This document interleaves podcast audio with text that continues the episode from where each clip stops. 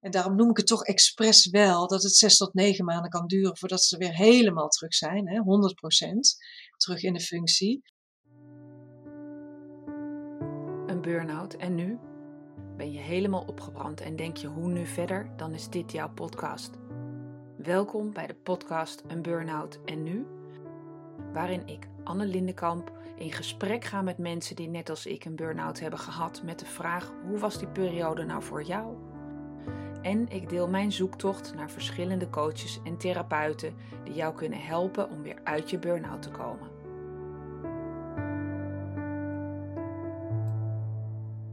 Vandaag praat ik met Anita Roelands, psycholoog en gespecialiseerd in het begeleiden van mensen met een burn-out. Ze studeerde psychologie aan de UvA in Amsterdam, waar ze in 1993 afstudeerde. Daarna volgden vele aanvullende opleidingen, daarover vertelt ze zelf meer. In 1999 begon ze aan haar eigen praktijk als loopbaancoach en het begeleiden van mensen die met heel veel stress om moesten gaan. En dat groeide in de loop der jaren uit naar het coachen van mensen met een burn-out en het trainen van coaches om mensen met een burn-out beter te kunnen begrijpen en dus beter te kunnen begeleiden. Neem even de tijd voor jezelf en luister naar mijn gesprek met Anita Roelands. Over haar boek Nooit meer burn-out, dat als vanzelf ontstond. Over het belang van het nemen van micropauzes en haar doel: zorgen dat mensen weer plezier krijgen in hun werk en hun leven.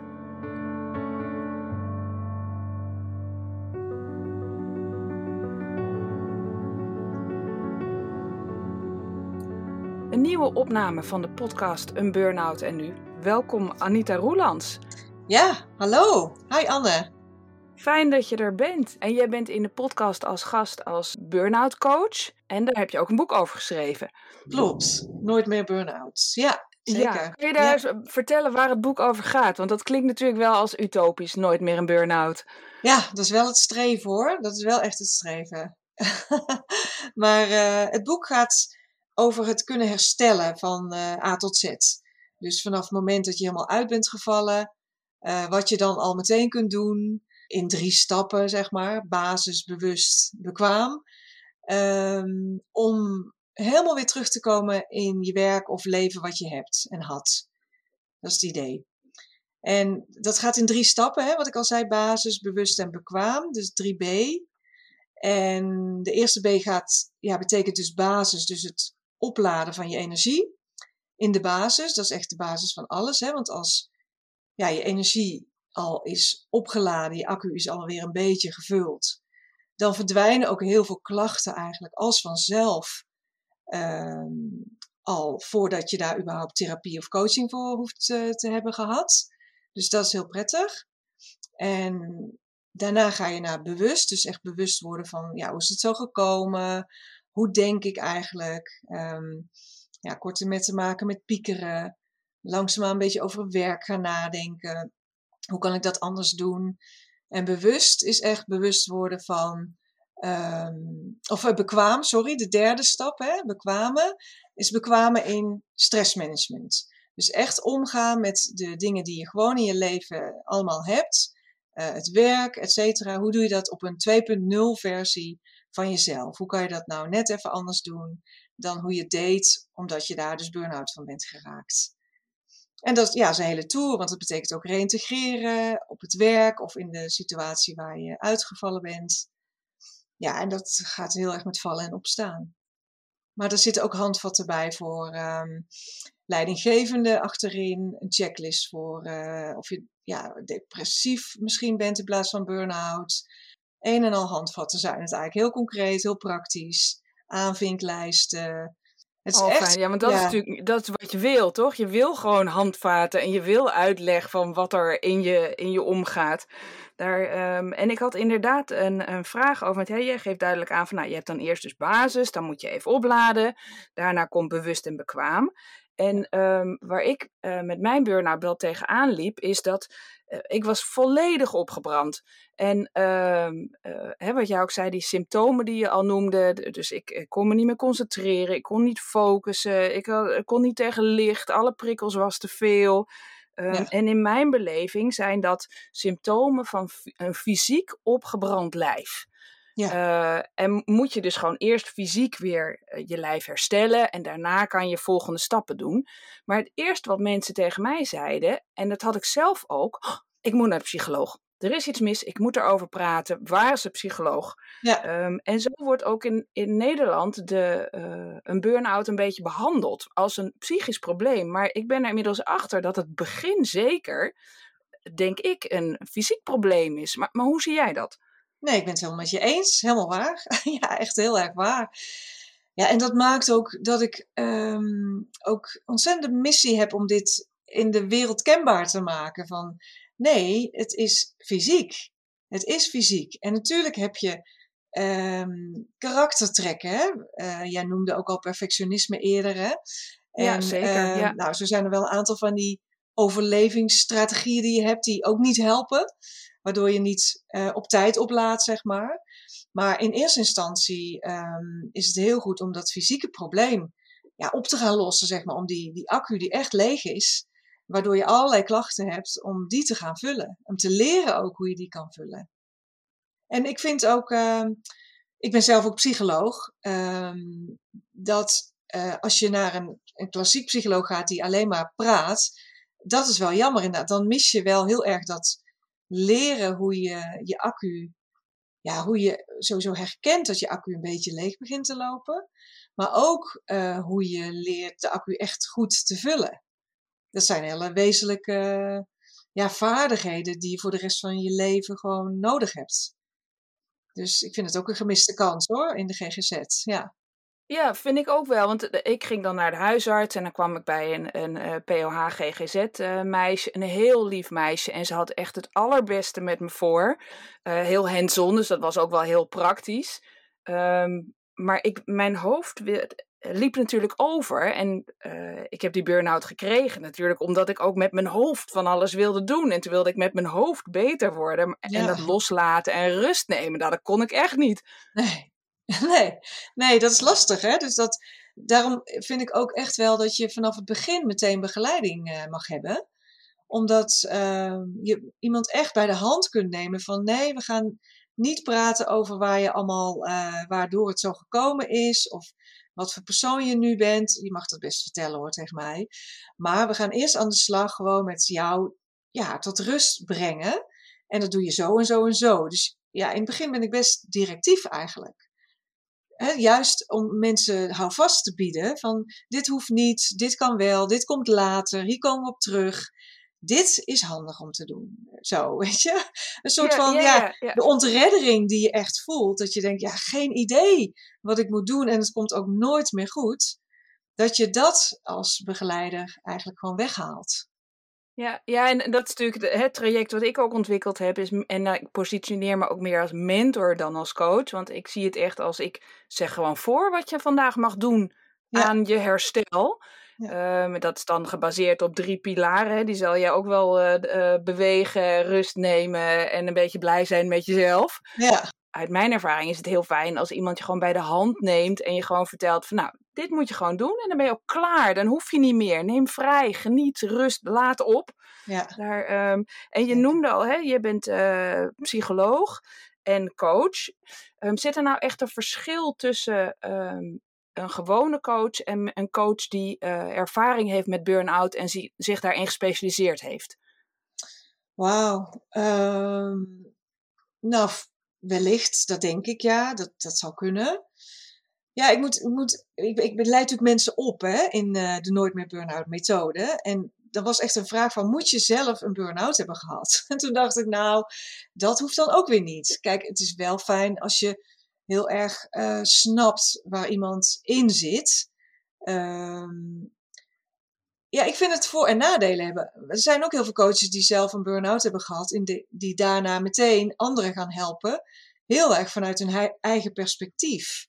En die denken dat iedereen dezelfde soort burn-out heeft. En dan vind ik het toch fijn als mensen veel breder ook nog kunnen kijken dat burn-out bij de ene zus is en bij de andere is het zo. Hè, dat er uh, verschillen in zitten, ook in wat ze daarna, na het herstellen, nodig hebben aan. Ja, um, bij de een gaat het inderdaad over eh, perfectionisme, bij de ander gaat het echt om prestatiedrang en bij weer een ander heeft gewoon drie van die live events achter elkaar gehad en is maar doorgegaan en is heel zorgend of voelt zich juist heel verantwoordelijk of is heel ambitieus. Hè? Dus soms is het ook best zoeken wat je daarna bij iemand aanbiedt. Ehm, dus het is, vind ik altijd wel fijn als coaches niet alleen maar een burn-out hebben gehad en dan zelf gewoon beginnen.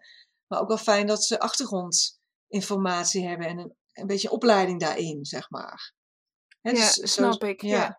Dus als je bij een, een uh, coach, een gewone coach, een hele goede gewone coach, daar kan je dan prima terecht. Hè? Die kan iemand heel goed coachen. En eh, iemand die speciaal uh, bijvoorbeeld jouw training heeft gedaan. De coaches die jouw training hebben gedaan en dan gespecialiseerd zijn in mensen met een burn-out coachen. Ja. Uh, dan creëer je dus eigenlijk meer begrip voor hoe iemand binnenkomt. Ja, hoe iemand. Ten opzichte van de, de coach die niet gespecialiseerd is in het begeleiden van een burn-out. Ja, ja. En ik merk ook dat, dat um, in de opleiding, als mensen er geen ervaring mee hebben, dat je ze daar wel in mee moet nemen. Dat de mensen echt heel moe zijn en dat je dus niet dezelfde dingen meer kunt doen dan wanneer je gewoon coacht. Maar dat, dat kan je mensen wel leren. En zeker als ze in contact komen met de doelgroep, hebben ze dat snel genoeg door. Hè? Um, maar je kan best uh, mensen opleiden, volgens mij, die ook geen uh, burn-out ervaring hebben. En iedereen heeft wel een ervaring richting het overspannenheid. Hè, richting, ja. ik werk dan met kleuren ook. Hè, dus groen is, is gewoon een gevulde accu. Geel is een beetje een legere eh, accu, maar daar kan je nog wel uh, mee werken. Daar kan je ook mee, mee doorgaan, jammer genoeg. Uh, en paars is echt al wel klachten. En dat, dan begin je al in dat overspannen stuk te komen. Nou, dat herkennen eigenlijk alle mensen. En rood, dat is echt burn-out, dat herkent natuurlijk niet iedereen. maar ik ben zelf ook nooit helemaal burn-out geweest. Ik ben zelf wel een aantal keer overspannen geweest. En ja, heel moe. Maar niet al die heftige klachten die andere mensen noemen. Nee, en, en je noemt nu je eigen ervaring. Is dat ook de reden waarom je, hierin je uh, hiervan je specialisme hebt gemaakt? Ja, toch wel. Eigenlijk is het een beetje ja, uh, heeft het mij gepakt, zeg maar. Het is, uh, hoe moet ik het zeggen? Ik was al overspannen toen ik uit mijn studie kwam. Hè, toen was ik 27, ik had heel veel leuke dingen gedaan, vond ik. Ik was heel blij met mijn studie, ik vond alles interessant, maar heel overdreven. Gewoon vier stages. ik had er ook één kunnen doen. ja. dus zo dat soort, uh, ja, echt vanuit een soort dieper liggende angst van ja, anders is het niet genoeg. Maar dat had ik niet per se door. Dus um, ik was gewoon moe en ik ja, had zoiets, ik moet gaan uh, solliciteren. Hoe, hoe, moet ik, hoe moet ik dat doen? Want ik ben hartstikke moe, ik heb eigenlijk helemaal geen zin. Nou, schop onder mijn kont. Ik heb nog wel drie maanden vrijgenomen, naar Griekenland geweest. En daarna begonnen, maar nooit echt goed gesnapt hoe zit dat nou. Dus ik ben dat wel heel erg gaan uitzoeken voor mezelf gewoon. Van, hoe zit het eigenlijk met als je iets toch heel leuk vindt, maar toch helemaal leeg loopt? Of hè, zo moe bent. En hoe zit het met grenzen? En hoe, nou ja, zo, hoe zit het met enthousiasme? Want ik was heel erg enthousiast. ja, dus dat, dat ben ik zelf gaan uitzoeken. Dus toen begeleid ik daar mensen nog niet per se in. Maar ik was altijd wel al tijdens mijn studie geïnteresseerd in stress hoor. In posttraumatisch stresssyndroom en zo. En brandweerlieden, hoe die daarmee omgingen en zo. Daar was ik wel in geïnteresseerd. Maar toen, op een gegeven moment heb ik een paar banen gehad, waar ik ook zo half overspannen weer uitkwam. En toen op een gegeven moment ben ik, heb ik besluit genomen om zelfstandig uh, te gaan uh, worden met coaching in 1999. En toen ben ik eigenlijk meteen gaan roepen, ja, ik kan ook mensen begeleiden met stress en loopbanen. Maar dat kwam omdat ik dacht, ja, ik heb daar al zoveel over geleerd zelf en in mijn studie dingen van geleerd. Ik kan daar wel mensen begeleiden. En toen bestond burn-out eigenlijk nog niet echt als naam. dat kwam iets later pas. Maar ondertussen was ik gewoon mensen met stress, en klachten aan het begeleiden. En eh, ook wel loopbaanvragen. En ik deed ook nog wel wat assessment centers. Dus mensen testen voor banen. Heb ik later, zeg maar, ja, losgelaten. Maar toen kwam eigenlijk burn-out om de hoek. En toen ja, ben ik daar eigenlijk verder in mensen ook gaan begeleiden. Omdat, ja, dat was vanzelfsprekend dat ik mensen daarin begeleide. Omdat ik daar al heel veel in deed. En dan ben ik dan weer opleidingen gaan volgen. En verder gaan uitdiepen. En ook wel, uh, ja, bijvoorbeeld van Sonja van Zweden gevonden, dat, hij het echt, uh, dat het echt ging om het fysieke. Nou, toen dacht ik, dit is het. Dat fysieke, dit is echt de waarheid. Dus daar had ik heel veel aan. En ehm, nou, al begeleidende merkte ik dat ik steeds meer mensen informatie ook mee ging geven. Over uh, uh, ja, een oefening of wat uitleg of um, uh, een opdrachtje of zo. Hè? Dat gaf ik mensen mee. En dan brachten ze dat allemaal um, terug uh, naar mij. En dan lieten ze het op de grond vallen, al die papieren. En toen dacht ik, nou, ik moet er oh, eigenlijk ja. eens, ja. een boek van. Ja. Of een boek. Ik dacht, ik moet, er eens, moet het gaan bundelen. Laat ik er een syllabus van maken. En toen ik daarmee bezig was, dat ging eigenlijk zo makkelijk, dacht ik, ja, ik kan er eigenlijk ook wel een boek van maken. En dat is dit boek geworden, Nooit meer Burn-out. Dus het is heel erg vanzelf uit de praktijk ontstaan. En ook wel die drie-indeling, dat ontstond ook in mijn praktijk. Dat ik dacht, ja, eigenlijk tekent er zich gewoon een drie-stappen-model uh, af. Dat het eerst echt gaat om het fysieke stuk, dan pas om die bewustwording en de signalen. En dan pas dat psychologische deel. Dus zo ben ik dat eigenlijk, ja, is dat als vanzelf een beetje, ja, tot mij gekomen. Hè? Het, het heeft mij ook ge, ge, gepakt. Dat, dat ik daar vanzelf mensen ook in ging begeleiden. En door dat boek ben ik ook wel meer in de preventieve kant, ook bij bedrijven, uh, presentaties gaan geven en trainingen aan leidinggevenden. Uh, ja, omdat ik merkte dat daar ook nog zo weinig kennis over was en zo soms de verkeerde stappen in werden gezet. Of dat ja, leidinggevenden echt niet weten wat ze precies moeten doen. Maar, maar dat soort dingen ben ik dus ook gaan doen. Dus ook die preventieve kant erbij. Maar over het algemeen komen mensen, dan zeggen ze dat ze preventief naar mij toe komen. en dan blijkt toch al wel dat ze hartstikke overspannen zijn. En, uh, en soms al wel ja, burn-out. Hè? Dus dat... dat... ging ik net zeggen. Ik denk dat als, je, als ik één maand of anderhalve maand voordat, ik, voordat het echt niet meer ging, toen was ik ook al, uh, ook al zo. Er was nog net niet iets gebeurd waardoor ik om was gevallen. Maar de, uh, in het stadium dat ik dacht preventief, nou, dan, toen waren alle alarmbellen rammelden eigenlijk al. Ja, hè? ja dat, dat, je dacht zelf van, uh, ik moet eigenlijk iets doen. Of niet? Of wat, ja, wat dacht ik, dacht, je ik dacht, nou, dit gaat niet goed. Nee, dit nee. gaat echt niet goed. Dus toen dacht ik, weet je wat, ik bel de bedrijfsarts. En misschien moet ik dan gewoon iets minder werken. Of een weekje vakantie nemen of zoiets. Ja, precies. Hè, daar, ja. Uh, dat was een beetje het idee. En uh, ik heb ook nog wel eens een burn-out test dan gedaan. En er kwam dan uit, uh, u heeft 60% kans op een burn-out. Oh. oh, ja. nou oké, okay, 60%, dat is dus 40 niet. Dus ik heb het niet. Ja, nee. zo makkelijk werkt dat bij mij. Hè. De, ja. de, bovendien vond ik het ook een heel gênant, wilde ik het ook niet. Een gênant onderwerp om, om te hebben. Dat was voor andere mensen om te hebben, maar niet voor mij. Nee, hè? nee, nee. Nee. nee, en wat ik me nou afvraag, hè, ik had standaard, uh, de, mijn eerste vragen waren: hoe lang gaat dit duren en wat moet ik doen om zo snel mogelijk weer te herstellen? Ja. Um, zijn dat vragen die jij altijd krijgt? Nou, heel vaak. Altijd misschien niet, maar wel heel vaak. Ja, ja echt uh, zo snel. Vooral. Ja, ja, nee, zowel bij burn-out als bij overspannenheid. Dat, dat is wel heel erg dat ze schrikken en daarom noem ik het toch expres wel dat het zes tot negen maanden kan duren voordat ze weer helemaal terug zijn, hè, 100% terug ja, in de ja. functie. Gewoon om even dat beeld te schetsen van ja. En soms vergis ik mezelf ook nog wel, dan zitten ze nog een soort van vol energie voor me. Dat is natuurlijk geen energie, maar valse energie, maar gewoon adrenaline en cortisol en zo. En dan, dan denk ik wel eens van, oh, volgens mij gaat het bij deze persoon, noemt niet zoveel klachten, slaapt ook nog wel uh, redelijk uh, goed kan het best snel uh, weer terugkomen. Nou, en dat valt het vaak nog hartstikke tegen. Dat ze nog steeds, uh, of dat als ze dan eigenlijk eindelijk toe gaan geven aan die rust, dat het alleen maar duidelijker wordt dat ze veel meer klachten eigenlijk voelden dan ze toen registreerden bij die intake bij mij. Ja, dan blijkt dat, oh, dat is eigenlijk ook een klacht. Ja, oh ja, nee, oh, ik voel nu steeds meer dat. Dan denk ik, ja, dus dan wordt het soms veel meer nog een burn-out dan dat ik zelf ook dacht. Dus het is nog best ja. wel misleidend hoor, in het begin. Bij, als je nog eigenlijk in dat optimisme zit, hè, zelf, zoals jij nu schetst.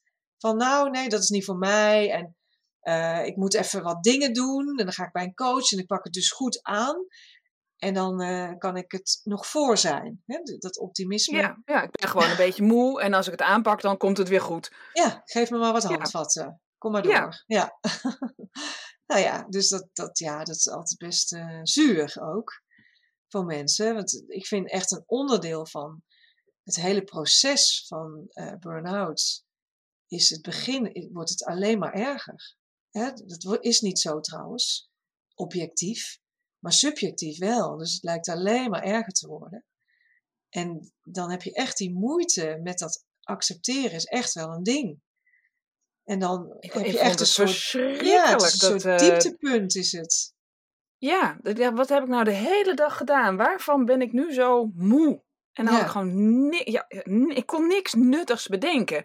Maar ik moet je eerlijk zeggen, als ik iets gedaan had, dat doen moest wel langs mijn nuttigheidslijstje. Ja, ja. Dus het moet, eh, ik had alleen iets gedaan als het nuttig was. Ja, ja. ja, je telde niet de dingen mee die, eh, die leuk waren of zo. Of het, eh, misschien het wandelen of het... eh, Nee, want het, als je dan eh, muziek had geluisterd, dat was, een- dan doe je niks. Dus die telde niet mee als iets doen. Nee, nee, dus dan zit je nog heel erg in dat, ja, dat overlevingspatroon ook wel, hè? Van Ja, dat dingen ja, altijd nuttig enorm. moeten zijn. Ja, Ja, ja. Ja. Hey, en nou lees ik dat het, het doel is echt om gewoon weer plezier te krijgen in je, in je werk en in je leven.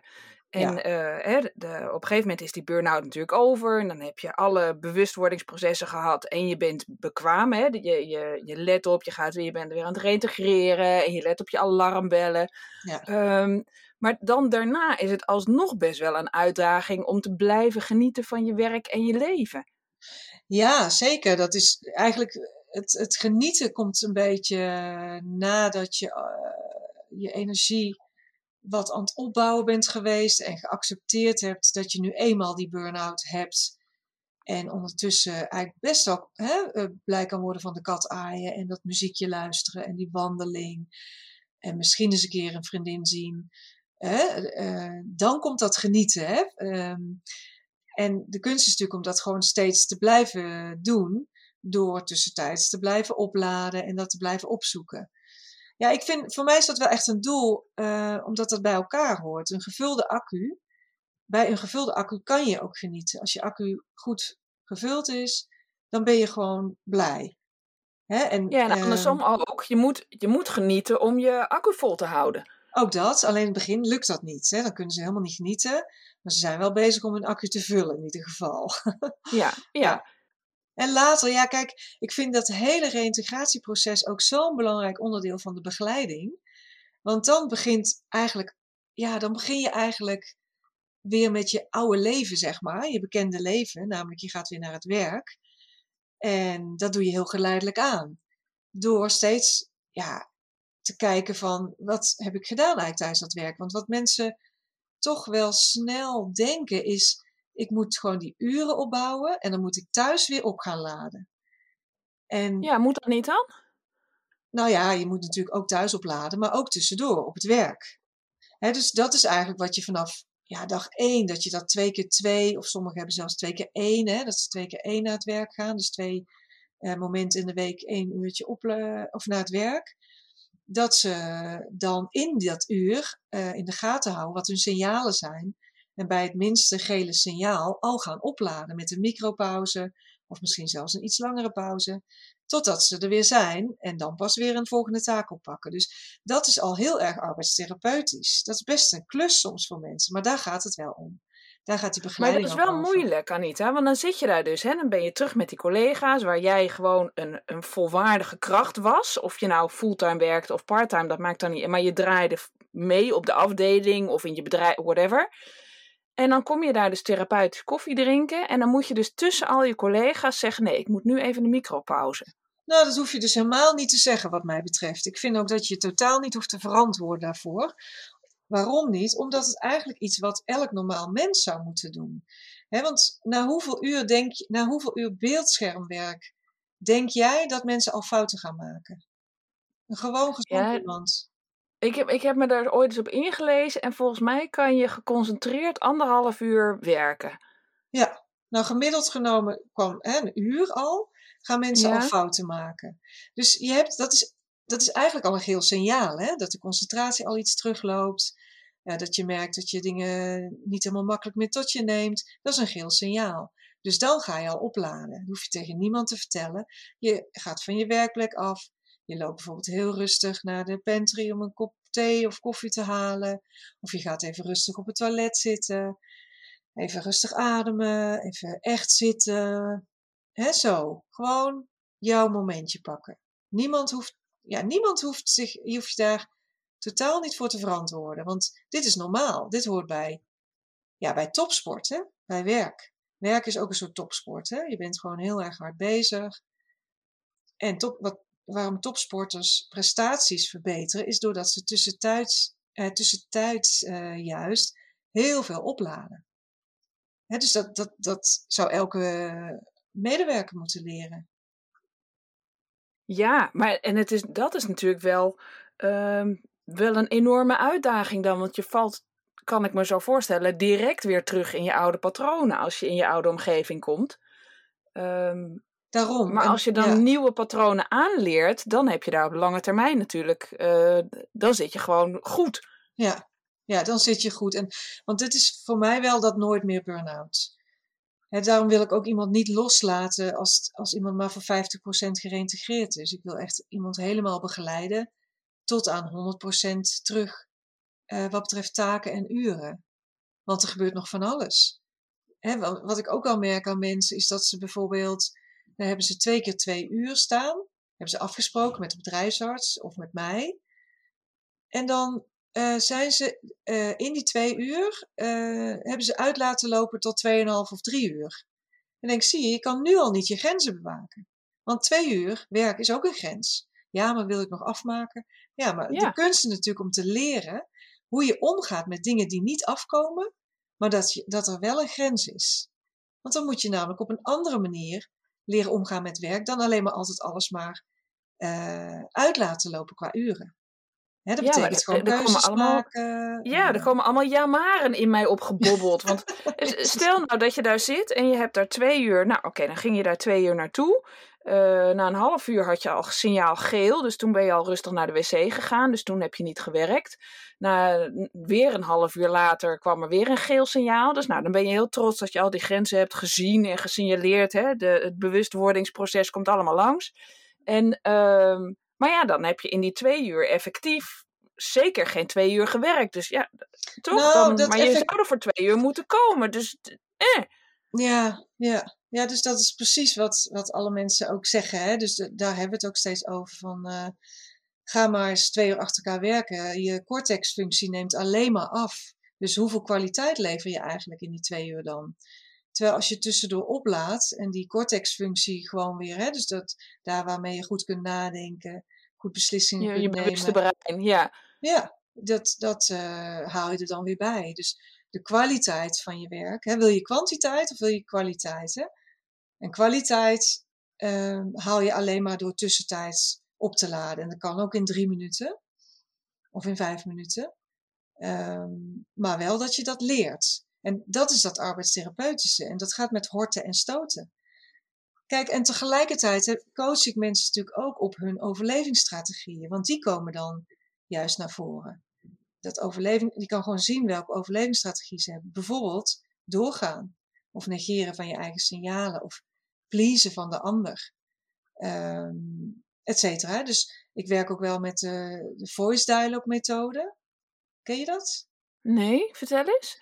Nou, dat, dat is een, een coachingsmethode, zeg maar, waarmee je naar kanten in iemand kijkt. Um, dus bijvoorbeeld de kanten in jou die eigenlijk jou tot roofbouw brengen. Hè? En jij, bij jou, jij noemde dat jouw perfectionisme bijvoorbeeld. Ja, ja. Nou, ja. dus dan gaan we kijken naar jouw perfectionist. De perfectionist in jou. Want eigenlijk gaan we ervan uit dat je niet in, uh, de, de, de complete perfectionist hebt, dat je ook nog andere kanten hebt in jou. Misschien zelfs voor iemand die ook kan lapswansen. Of die gewoon even geen zin om precies te zijn. Uh, hè? Um, en dan, ja, het is een beetje stoelenwerk. Praten met delen heet het. Hè? Dat je dus met die kant in jou apart spreekt, los van de rest van je persoonlijkheid. Dus dan zet ik jou op een andere stoel en dan zeg ik: uh, Hallo, jij bent dus de perfectionist in Anne. Vertel eens, wat doe je allemaal? Hoe ga jij te werk? Hoe zorg jij dat zij het echt wel goed doet? Nou, bla bla bla. Dus we hebben een heel gesprek. En al pratende komt vaak ook de onderliggende kwetsbaarheid daarin naar voren. Namelijk de reden waarom jij zo perfectionistisch bent geworden. En dat kan zijn, ja, het raakt altijd een beetje aan het verleden. Maar dat kan bijvoorbeeld zijn dat je bang bent, ehm, dat je anders erop afgekeurd wordt, of dat je afwijzing krijgt of niet meetelt. Hè? Dus onderliggende angsten zijn het vaak. En dan eh, gaan we weer terug naar het midden, noemen we dat. Gaan we terug naar die stoel. En dan ja, gaan we gewoon kijken hoe je op een andere manier kan leren zorgen voor die kwetsbaarheid. Anders dan steeds weer perfection, de perfect, in de perfectionist hoeven stappen.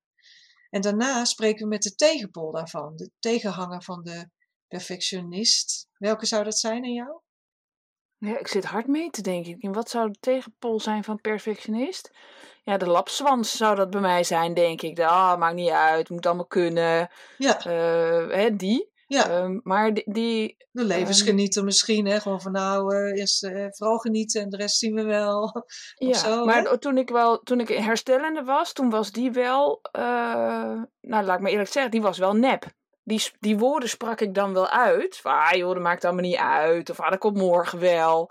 Ja. Uh, maar in mijn hoofd ging er dan een enorm spel aan de gang van... Oké, okay, ik zeg dit morgen, het komt morgen, het is niet erg, het mag morgen ook. Ja. Dat, dat daadwerkelijk oké okay vinden wat er bij die woorden hoorde, dat, dat, uh, dat ging niet samen. Nee, en daarom wil ik ook zo graag deze methode gebruiken. Omdat we gaan eigenlijk eerst gewoon met die perfectionist... Die moet eerst aan het woord komen. Die moet echt geëerd worden. Anders gaat hij altijd opspelen als je de andere kant op beweegt. Nou ja, Dus- en het is ook een kwaliteit, toch? Je valkuil is ook zeker je kwaliteit, wat mij betreft. Ja, enorm. En daarom is dat Ja. eren ook belangrijk. Van wow, wat heb jij, wat handig dat jij er bent ook, toch? Want het is echt heel handig. Want eh, Ja, ja, voor precisie, voor, voor dingen, hè, voor opletten, voor ja, dingen ordenen of wat dan ook, hè, waar je het ook voor, voor nodig hebt. Ehm, dus het hoeft niet weg. Dat vind ik eigenlijk ook heel fijn. dat het, hoeft helemaal niet weg. Het is juist fijn dat je een midden daartussen vindt. En ehm, als we die andere kant ook opzoeken, dan gaan we ook kijken van zijn er momenten in je leven dat je wel eens gelapswanst hebt. Dus je zoekt wel eh, de lapswans op zoals, zoals je die ergens in je leven wel een beetje kent. Oh ja. Ja, Dus je gaat echt die andere kant dan opzoeken. Dus het, het is wel eh, waarheid van jou, jouw waarheid. En doordat je daar wat langer blijft aan die andere kant, her- leer jij zelf je eigen lapswans ook herkennen. En zie je daar eigenlijk best de voordelen van in. Want het kan best zijn dat je die kant in jezelf totaal verstoten hebt, omdat het niet kon of niet mocht. Of, eh, en dan daarna ga je weer terug naar het midden. En dan heb je, zit je een beetje tussen die beide kanten in. Het is, ja, het is, het gaat een beetje voorbij dat je dat rationeel allemaal voor elkaar moet krijgen. Ik leg het nu rationeel aan jou uit, maar het is echt een ervaring. En dat vind ik heel fijn, dat mensen het ervaren. Ze ervaren die ene kant, ze ervaren de andere kant, waardoor ze daarna in het gewone leven makkelijker voelen: oh, daar heb je die perfectionist weer, oh, daar ga ik weer, oh ja, wacht even, hoeft niet. En dat ze dan weer in dat midden uitkomen. Dat midden is gewoon bewustzijn hoor, dat je bewust bent van: oh ja, ach, wilde ik alweer meteen gaan pleasen of wilde ik alweer meteen ehm, ja zeggen tegen iemand. Hè, en dan heb je weer vrije keuze. En dat je ja dat. daar gaat het om, toch? Dat je gewoon het gevoel hebt dat je een keus hebt. Ja, dat je het, en niet alleen het gevoel, maar eh, ja, precies het gevoel. Ja, gevoel is denk ik een goed woord. En dat eh, doordat je daar even bij stilstaat of even merkt van, oh wacht, dan kan je ook kiezen om wel een beetje die, de kwaliteit van de lapswans toe te laten. Hè? Dus dat zou zelfzorg kunnen zijn. Dat je even voor jezelf zorgt en daarna pas weer aan de bak gaat. Hè? Dus nou ja, dat helpt, dat geeft gewoon een soort onschuldiging. Dat je niet schuldig hoeft te voelen. Dat het mag. Dat het, en het gaat ook wat meer vanzelf. En dat vind ik wel fijn aan deze methode. Dat eigenlijk verandert het vanzelf zonder dat je daar heel hard je best voor hoeft te doen. Hè, ik weet Ja, niet. ja, en dat, het je, dat, dat je gewoon, eh, dat het onderdeel wordt van jezelf. Want ik, ik vind Ja, hard werken aan iets, dat, dat, dan word je nee. gewoon moe van aan bij het idee. En dan Nou, denk ik, ja. oh, reintegreren. En dan moet ik hard werken aan bij mezelf blijven, mijn grenzen respecteren. Nou, dan ben je al moe tegen de tijd dat je dat ene uurtje gedaan hebt. ja, Ehm, terwijl als het, hè, precies wat jij zegt, als het vanzelf gaat, ja, de, eh, het, het herkennen van je valkuil, oh dan doe ik het weer, lief zijn voor jezelf, eh, accepteren, het hoort bij mij, is oké, mag. ja, Nou ja, dan kan je daarna gewoon weer verder. dat is ook zo. En je hebt natuurlijk al lang thuis hiermee geoefend. Hè? Het is niet opeens dat als je naar het werk gaat, dat dat dan de eerste keer is dat jij met je perfectionist geconfronteerd wordt weer of zo. Hè? Dat heb je dan thuis ook al lang gezien en mee geoefend. Zo van, oh nee, wacht even, dat hoeft niet. Rustig aan, weet je wel zo. Hè, dus ja, mensen die naar het werk gaan, die hebben ook echt wel zin om naar het werk te gaan. dus het is zeker niet alleen maar ploeteren. Of dat je ook best wel zin hebt in bepaalde taken. Nou zo. Dus het, ja, het, het geeft ook structuur aan je leven. Het, ja. op allerlei manieren. Uh, zinvol voelen, hè? dus nuttig voelen, wat jij net ook zei. Dat is ook fijn, om, dat is ook een fijn gevoel, hè? dat je je nuttig voelt.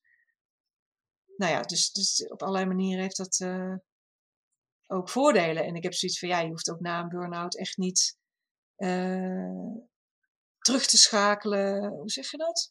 Dat je voor altijd uh, minder werkt of op een lager niveau. Of, daar ga ik echt niet mee akkoord. nee, nou, nee. en ik heb nu laatst, het was mijn nieuwste inzicht, toen dacht ik ineens, ja, maar het gaat niet om de stress.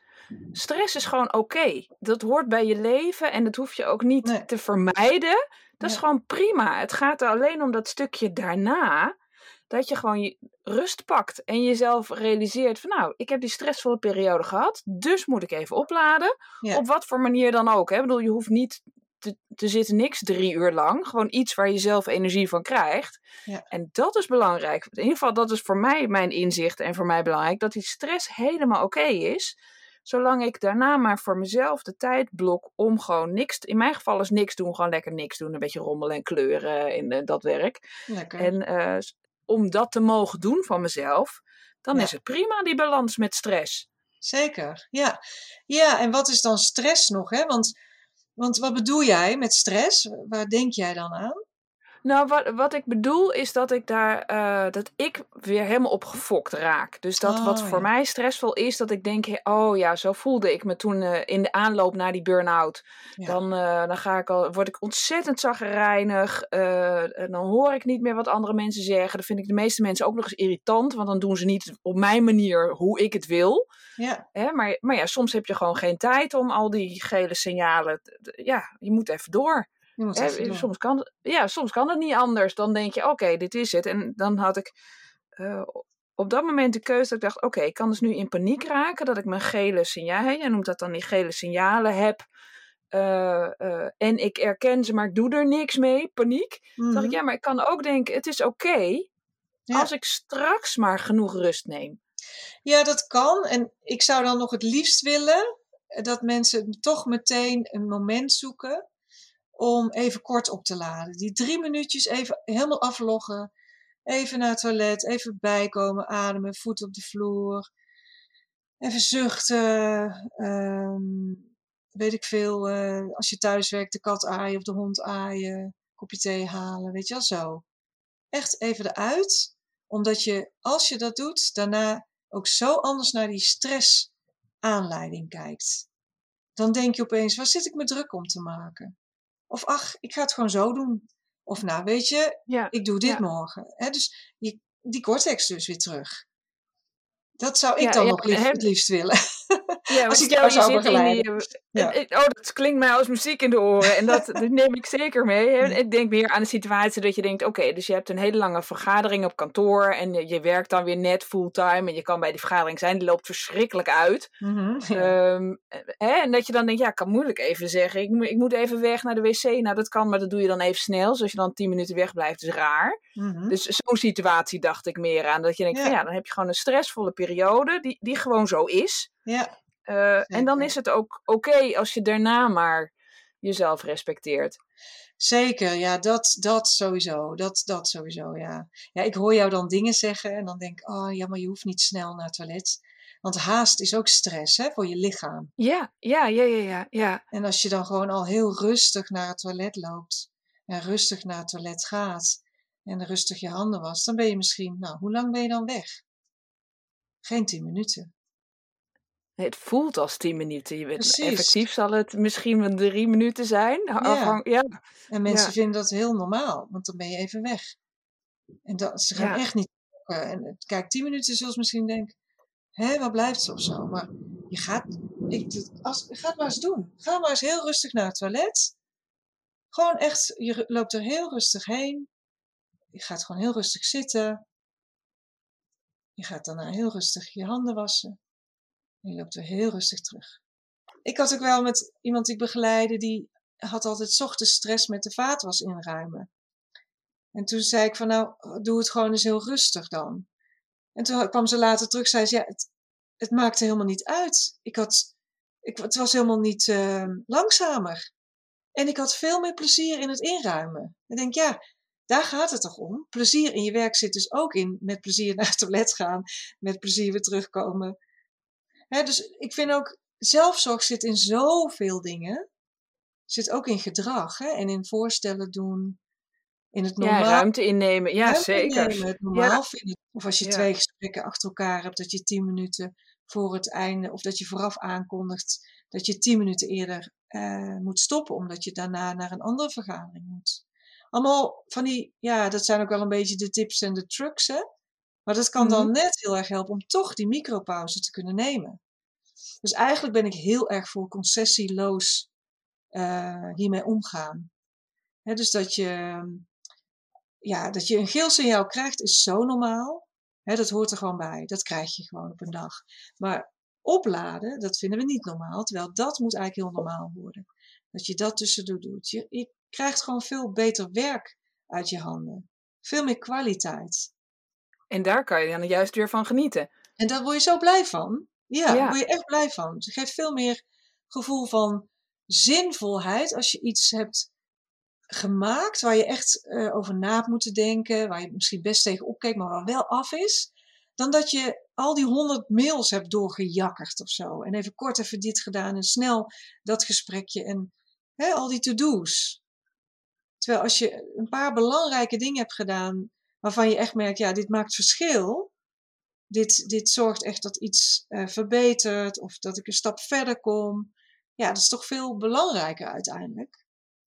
ja, dus want dan kan je genieten van je werk. En dat is natuurlijk precies ook het doel wat, uh, wat je wil. Ja, ja, zeker. En naast dat je ook op de juiste plek moet zitten, hè? want daar hebben we het dan nog niet over gehad, maar dat kan natuurlijk ook, hè, dat je uiteindelijk erachter komt dat je niet op de goede plek zit. Uh, maar goed, dan kan je daar weer besluiten over nemen. Dat, dat je dan een andere baan gaat zoeken of gesprek aangaat. Bepaalde taken uh, misschien eraf kunnen of andere taken erbij. Nou ja, wat er ook mogelijk is. Hè? Ja, ja, het klinkt mij allemaal als muziek in de oren. Daar, um, en, stel, hè, had ik jou maar gehad als, uh, als coach tijdens mijn, uh, mijn burn-out. Dat had mij heel veel goed gedaan, denk ik. En ja. stel nou, er zijn uh, mensen die, die nu luisteren en denken... oh, nou, Anne heeft de boot gemist, maar ik wil wel graag met Anita in zee. Wat, wat kunnen ze doen om jou te bereiken? Ze kunnen, ze kunnen naar mijn website... En dan een afspraak maken voor een intakegesprek. Ik zit, som, ik zit nu best wel vol hoor. Dus het, het ja, het is altijd. Uh, ik heb zo'n volle praktijk. En, maar goed, je kan het altijd proberen. En zo niet, als ik niet kan, dan heb ik wel mensen opgeleid inmiddels. Uh, die op dezelfde manier uh, werken. Dus dan kan ik ook altijd doorverwijzen naar iemand. Oh, en, het, hè, en zeker in de buurt, want niet iedereen woont bij jou in de buurt. Dus dan heb je ook misschien nog wel mensen in een wijder uh, omgeving waar mensen terecht kunnen. Zeker. En de website is? roelandscoaching.nl of nooitmeerburnout.nl. Nooitmeerburnout.nl. En tussen burn en out een streepje. Daar, um, en nou hebben de meeste mensen die, uh, die in de podcast zijn, die hebben ook een hele leuke aanbieding voor mensen die luisteren. Heb jij ook iets wat je, wat je deze luisteraars nog kan aanbieden, die, wat ze kan helpen als ze uh, in die burn-out zitten of bang zijn dat ze een burn-out hebben? Ja, zeker. Ja, ik heb eigenlijk twee dingen. Het ene is, is betaald en het andere is onbetaald. Onbetaald heb ik een e-book geschreven met uh, allerlei verschillende tips hoe je een burn-out kunt voorkomen, of hoe je gezonder kunt werken, of hoe je met plezier kan werken. hoe je met die valkuilen en die signalen om kunt gaan. Uh, en dat kan je op mijn site vinden. Je kan je gewoon aanmelden en dan krijg je meteen het e-book. En dan ontvang je ook één keer in de ja, vier, vijf weken ook een artikel uh, van mij hoe je uh, werkplezier kunt vergroten of hoe je burn-out kunt voorkomen. Ehm, allerlei tips. Geweldig. Anita, mag ik je hartelijk bedanken voor, uh, voor dit inspirerende gesprek. Ik heb weer heel veel ideeën en handvaten opgedaan. Dank je wel, uh, jij ook. Fijn dat je in de podcast was. Ja, graag gedaan.